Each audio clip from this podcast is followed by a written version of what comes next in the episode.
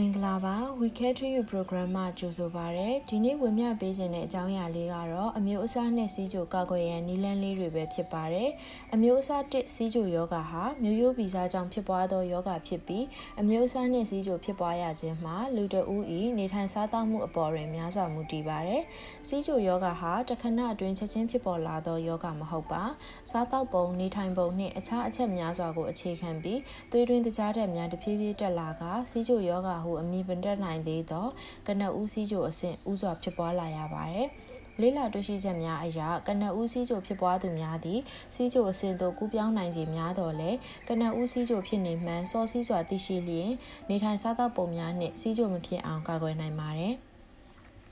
အမျိုးအစားနှင့်စီးကြိုဖြစ်ပွားစေသောအချက်များတွင်မျိုးရိုးအသက်အရွယ်စသည်တို့ကိုထိန်းချုပ်၍မရတော့လဲနေထိုင်စားသောက်မှုပုံစံများကိုထိန်းသိမ်းကာကာကွယ်နိုင်ပါတယ်။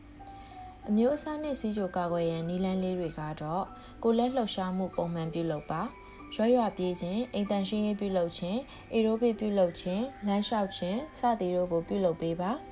တပတ်လျင်အနည်းဆုံး9ရက်ကိုလက်လှုပ်ရှားမှုရှိပါစေ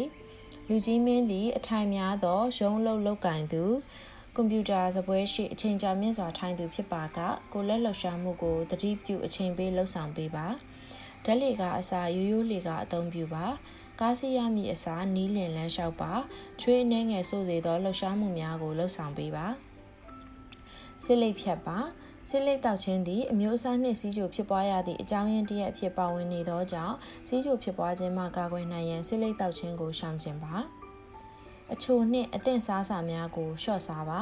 ဝက်ပေါင်ချောက်ကြက်ဥချောက်ခောက်ဆွဲချောက်ဟမ်ဘာဂါပီဇာစသည့်အသင့်ပြုလုပ်ထားသောအစားအစာများ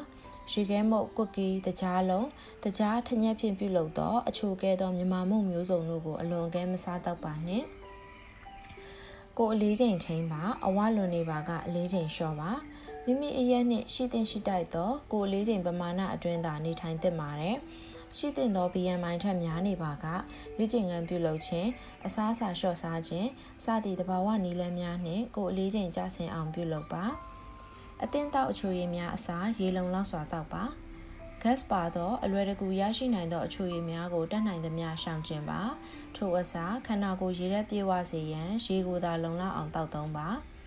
ဟင်းသီးဟင်းရွက်များများစားသုံးပါဟင်းနုနယ်မုံညင်းကိုက်လန်ကစွန်ဂေါ်ဘီပန်းစိန်စသောအစိမ်းရောင်ရှိသောအရွက်များခရမ်းကျင်သည်မုံလာဥနီငရုတ်သည်စသောအနီရောင်ရှိသောအသီးများအမြင့်တက်များသော